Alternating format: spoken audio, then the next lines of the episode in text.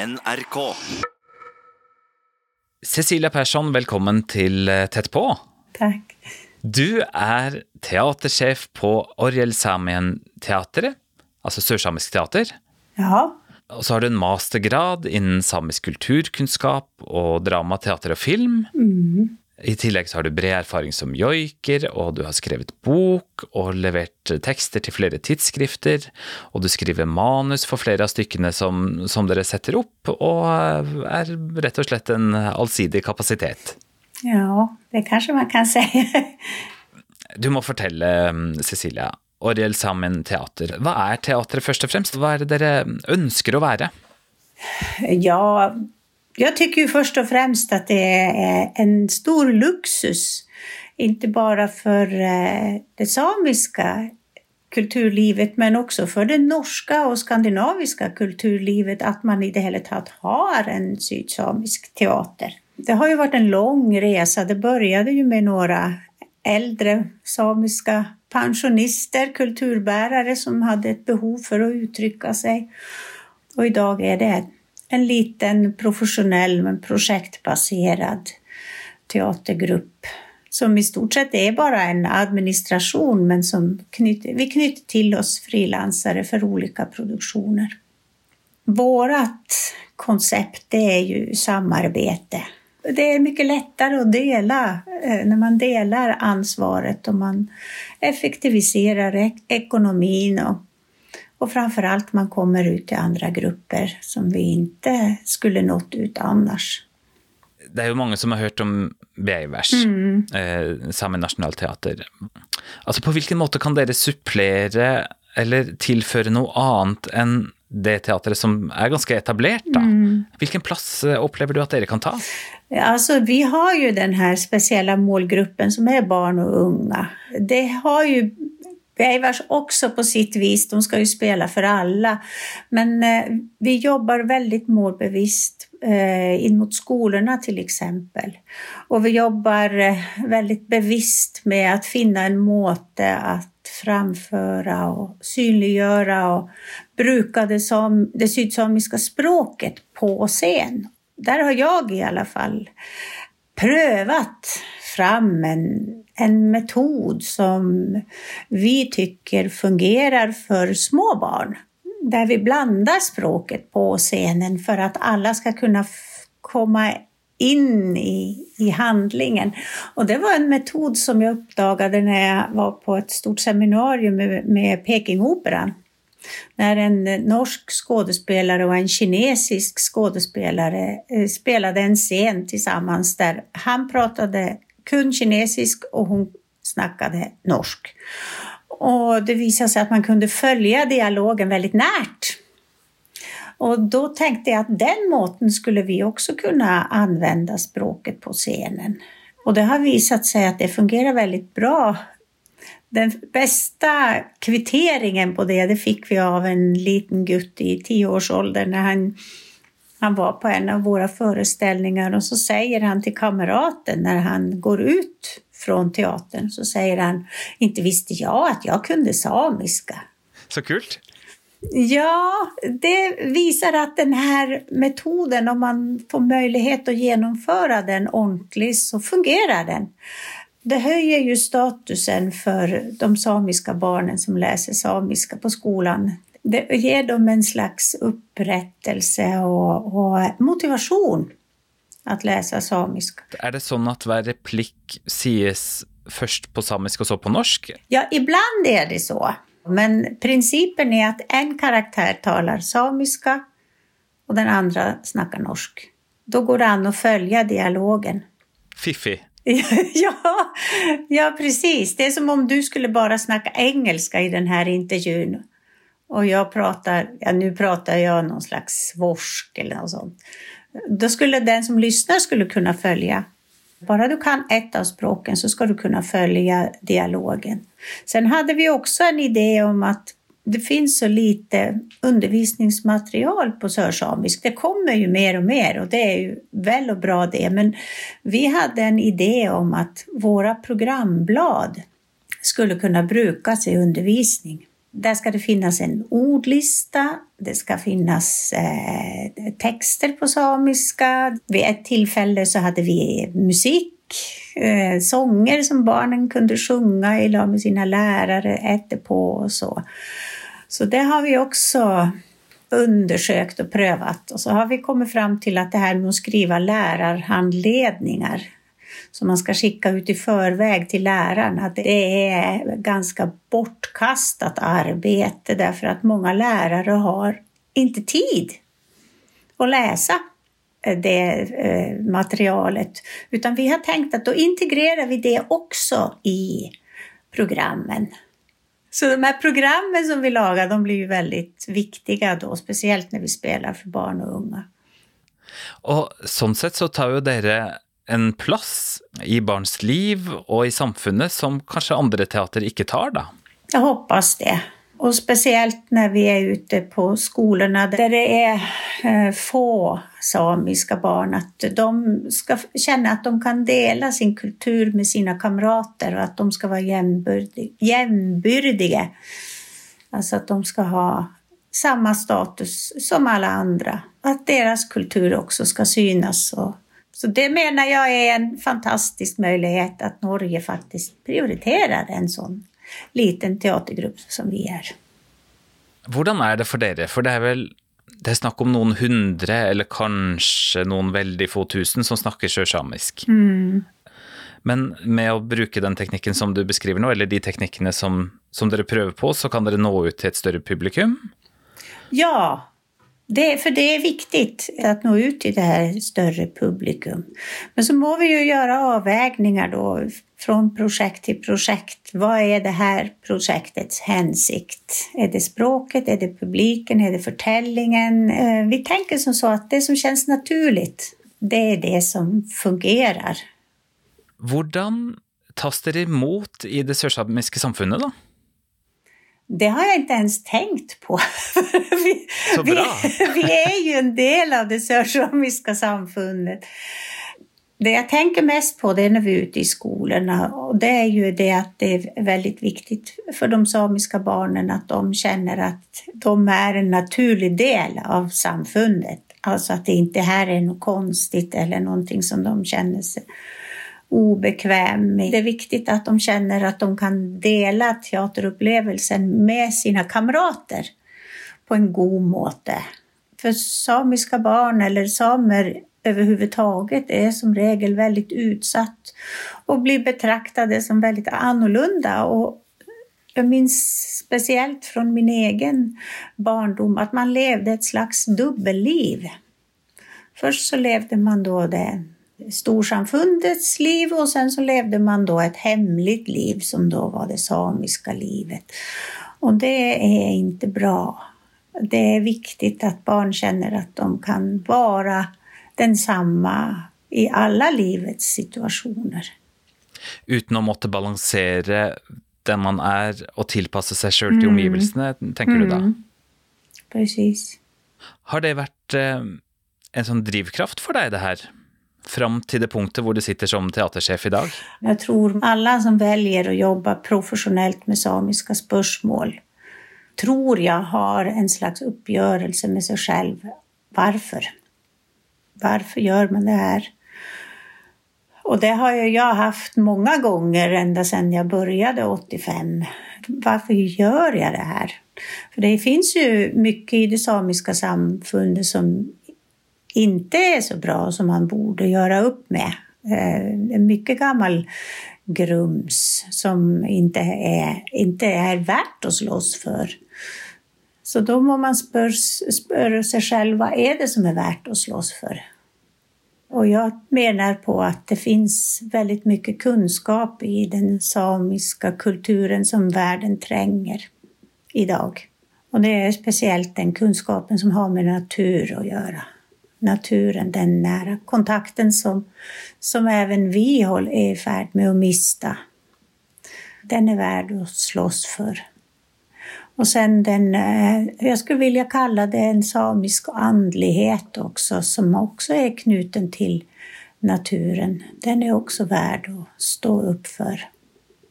Så det samiska borde vara en viktig stämma, till exempel i klimatspörsmål. Hela världen befinner sig i en kris och det handlar om klimat.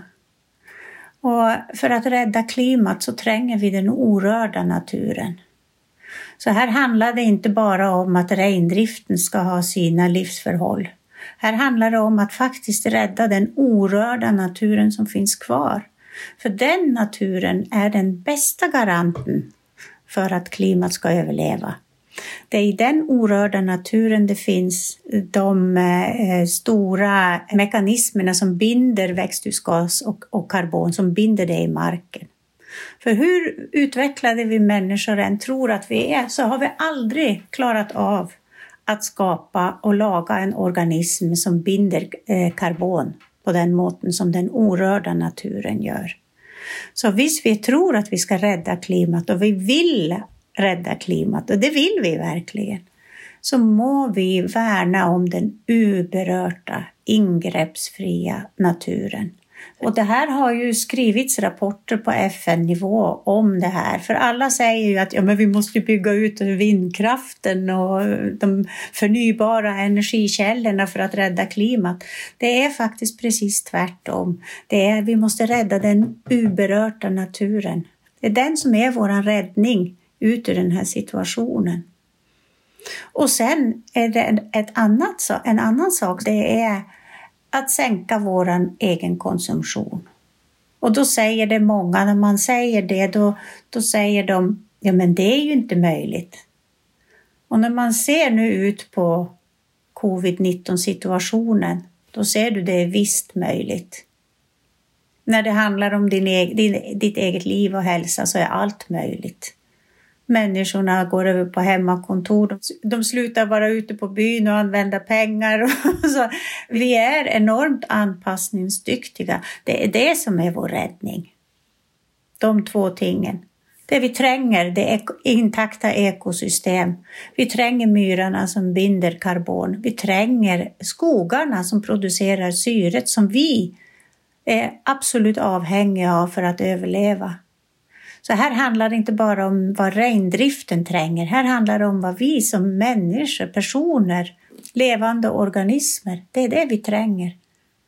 Och vi tränger den här orörda naturen också för att läka oss själv.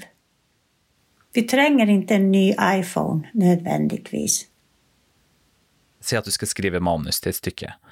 Önskar du då att fokusera på det som är positivt från samisk liv som man kan ta med ut i storsamfunnet, eller ser du också på det som du var innom som inte nödvändigtvis är så positivt i samfundet som man kanske borde tagit ett uppgör med? då? Alltså när du pratar om vår repertoar så, där, så, så, så, måste jag ju säga att den är ju otroligt spretig. Den är ju väldigt försäljlig. Den, det är ju nästan som att det inte är samma teater som sätter upp den. Det finns ju ingen tråd i det här. Och, och egentligen så är det bara tillfälligheter ibland som styr vad det är vi gör. Som för exempel så fick vi, blev vi ju kontaktade av den samiska bokbussen Garja medan den fortfarande fanns och de ville att vi skulle göra en liten, en liten, bara en sån liten förtällarprogram som vi skulle ha i bussen. Och det gjorde vi ju utan budget, nästan utan budget. Kanske vi hade 15 000 eller något sånt som vi la på och den blev så otroligt uppskattad. Folk likte den väldigt gott och den har ju blivit en av våra riktiga långkörare och stora publikumsuccéer. Till trots för att den bara började i en buss där vi inte hade plats för mer än 12 till 14 personer. Så det visar ju att man kan aldrig veta med de här produktionerna hur den ska träffa. Ja. Men det som jag kan säga också utifrån egen erfaring och det är det har inte bara med innehållet i repertoaren men det är också måten det framförs på.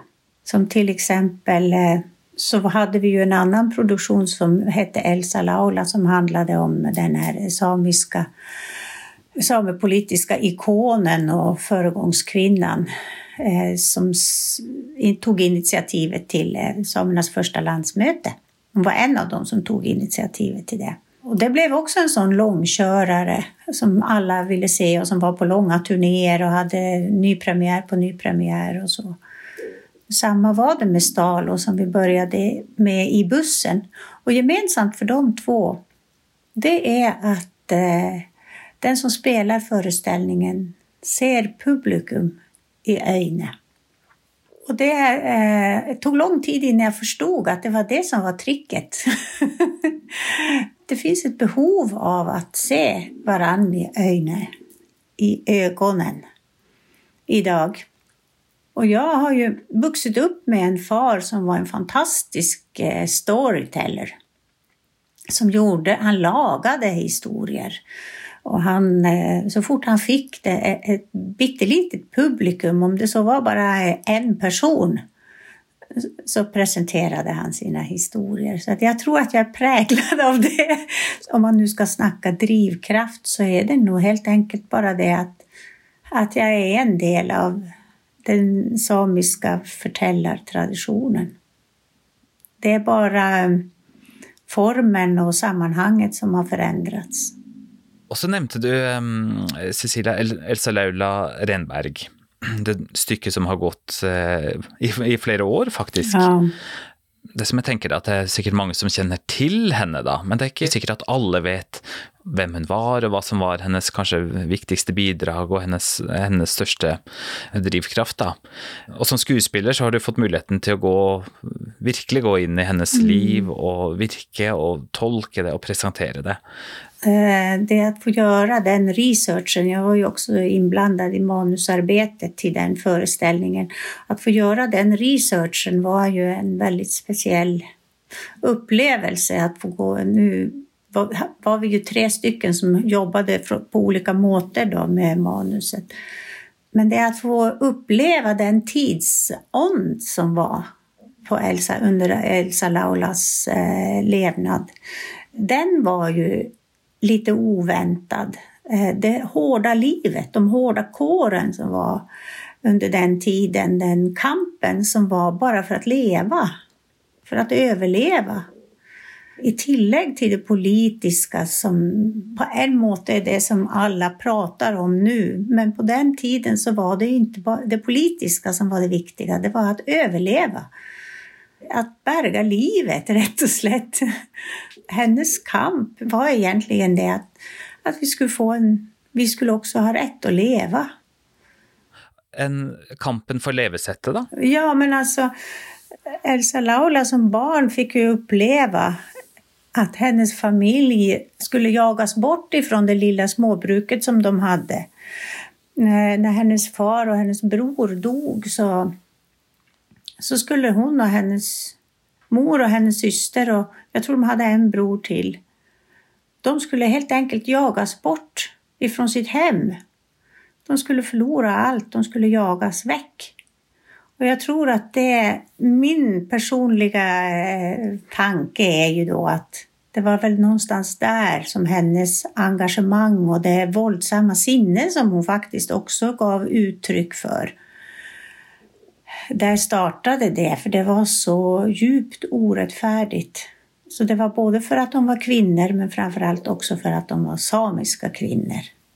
Och där var det ju hennes mor som tog affär och gick till kungen för att få ett sånt frihetsbrev, att de skulle få behålla sitt hem. Jag tror att det där måste ha satt in, gjort intryck på henne och den den eh, kampond som hon eh, ärvde av sin mor och den orättfärdighet som hon upplevde i den här situationen. Det här eh, är ju också tematik som du har behandlat konstnärligt då? Genom föreställningen Getine, ja, är det riktigt? Getine, det betyder som ett rengärde.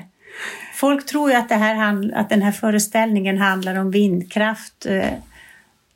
Ja, Kanske, den gör ju det lite grann, inte, men inte på den måten som man skulle kunna tro.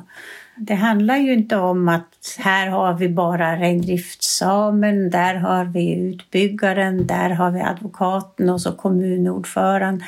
Utan vi går ju in i ett mytiskt landskap, eh, i en historia som är från 1200-1300-talets Kina. Då använder vi den historien för att kanske ge ett perspektiv till bland annat den här situationen. Vår eh, ambition var att gå på den djupa delen av människan, den, här, den som handlar om arketyper, om rättfärdighet, eh, vad är rätt, vad är fel? Det här inre landskapet som vi har. Det var där vi ville att handlingen skulle utspela sig. För mig så verkar det som att du genom de sista åren har utvecklat en djup misstro till en tendens som man ser över stora delar av landet nu. Mm. I etableringen av mm. vindkraftverk. Är det riktigt uppfattat? Ja, absolut. Man ska ha klart för sig att det här är en marknad. Där marknaden har tagit över hanteringen av de här sakerna.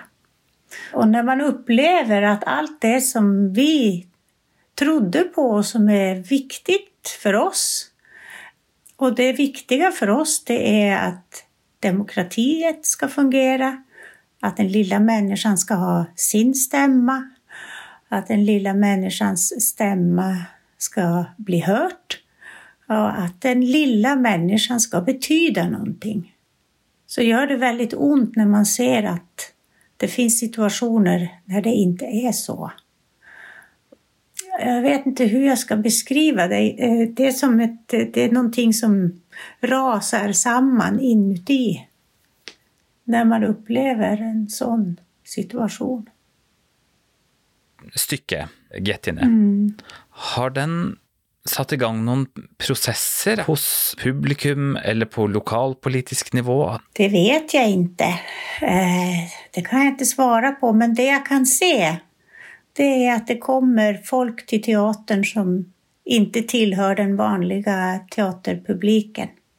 Det är nog ett tema som engagerar många. Vi kan se gubbar med keps 60 års ålder som aldrig har, troligtvis aldrig har köpt en teaterbiljett i hela sitt liv. Vi kan se att de kommer. Sen kan man se att det, det dyker upp eh, damer som har tagit på sig kofta för att gå på teater. Och sen så kan man se de kraftiga reaktioner som många ungdomar har visat på teatern. Verkligen kraftfulla reaktioner som visar på att det här är någonting som verkligen angår dem.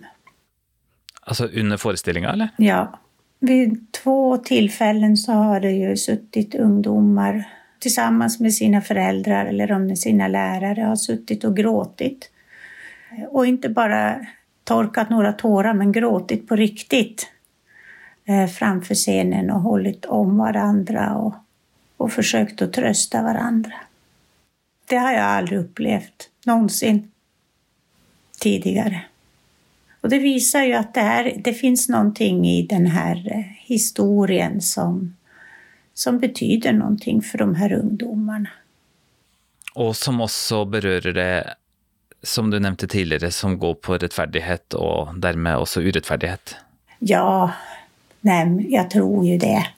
Så att det här pratet om att eh, man måste gå till, återvända till det här med att det ska vara rendriften eh, som ska värnas. Jag menar på att det är naturen som ska värnas. Och jag menar på att det är rendriften som faktiskt är bärkraftig, den bärkraftiga rendriften som värnar naturen.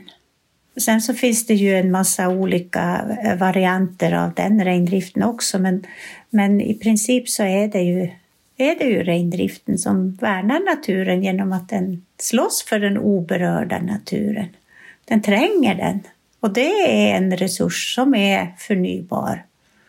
Det föds nya renkalvar varje år och det är en förnybar resurs för hela samfundet. Inte bara för samerna, men för, för, för alla.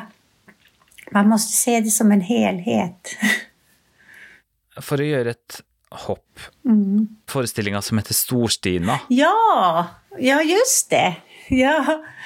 Ja, vi har ju, det är ju en del historier som man tycker skulle berättas som har med samisk, eh, som, inte bara som har med samisk samfundshistoria men också som har att göra med det rasistiska förflutna som finns i de skandinaviska länderna.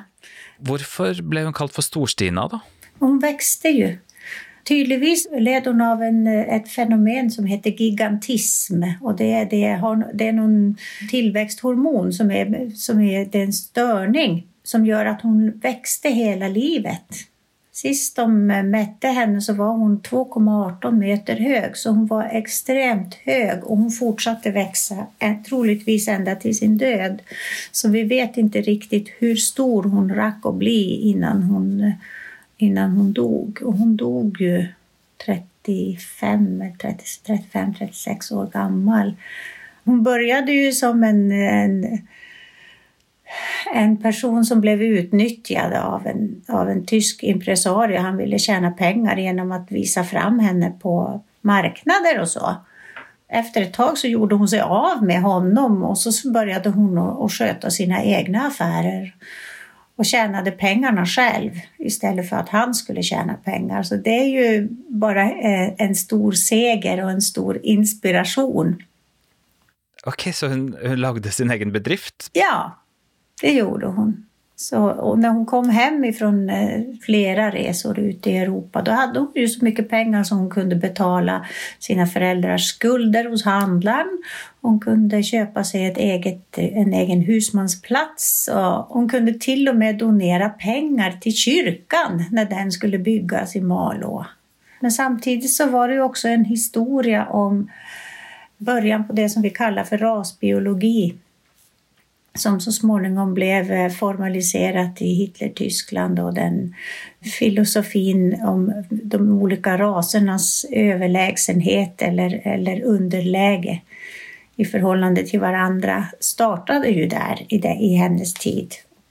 När hon dog och hade varit begravd i ett år så kom det en som gjorde anspråk på hennes kvarlevor, på hennes kropp, så hon grävdes upp och skickades ner till Karolinska institutet i Stockholm. Så otrolig historia då. Ja, det var ju det. Jag syns det är fascinerande, Cecilia, för jag trodde før vi snakka at vi, kom, at vi kom stort sett til å snakke om teater, men vi snakker jo om Storpolitiken. ja, ikke sant. Og det sier jo også noe om stykkene som dere setter opp, da. Dere tar jo for dere temaer i samfunnet som fortjener å settes under debatt.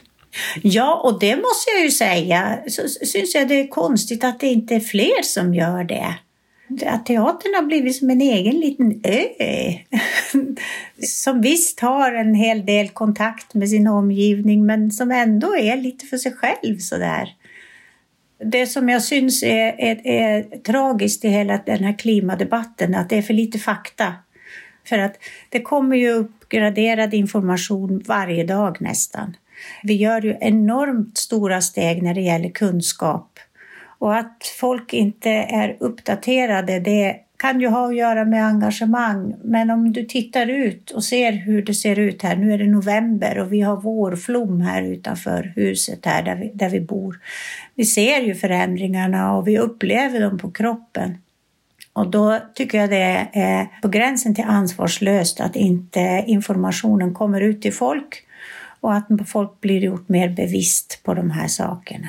Det är den orörda naturen som är vår framtid och som inte bara är vår framtid men det är avgörande för vår överlevnad. Och, och vi bör kunna offra någonting av vår egen personliga bekvämlighet för den framtiden. Cecilia Persson, tusen tack för att du var med i Tätt på. Jeg heter Svein Lian. Tett på fra NRK Sápmi er produsert av 1 til 1 Media.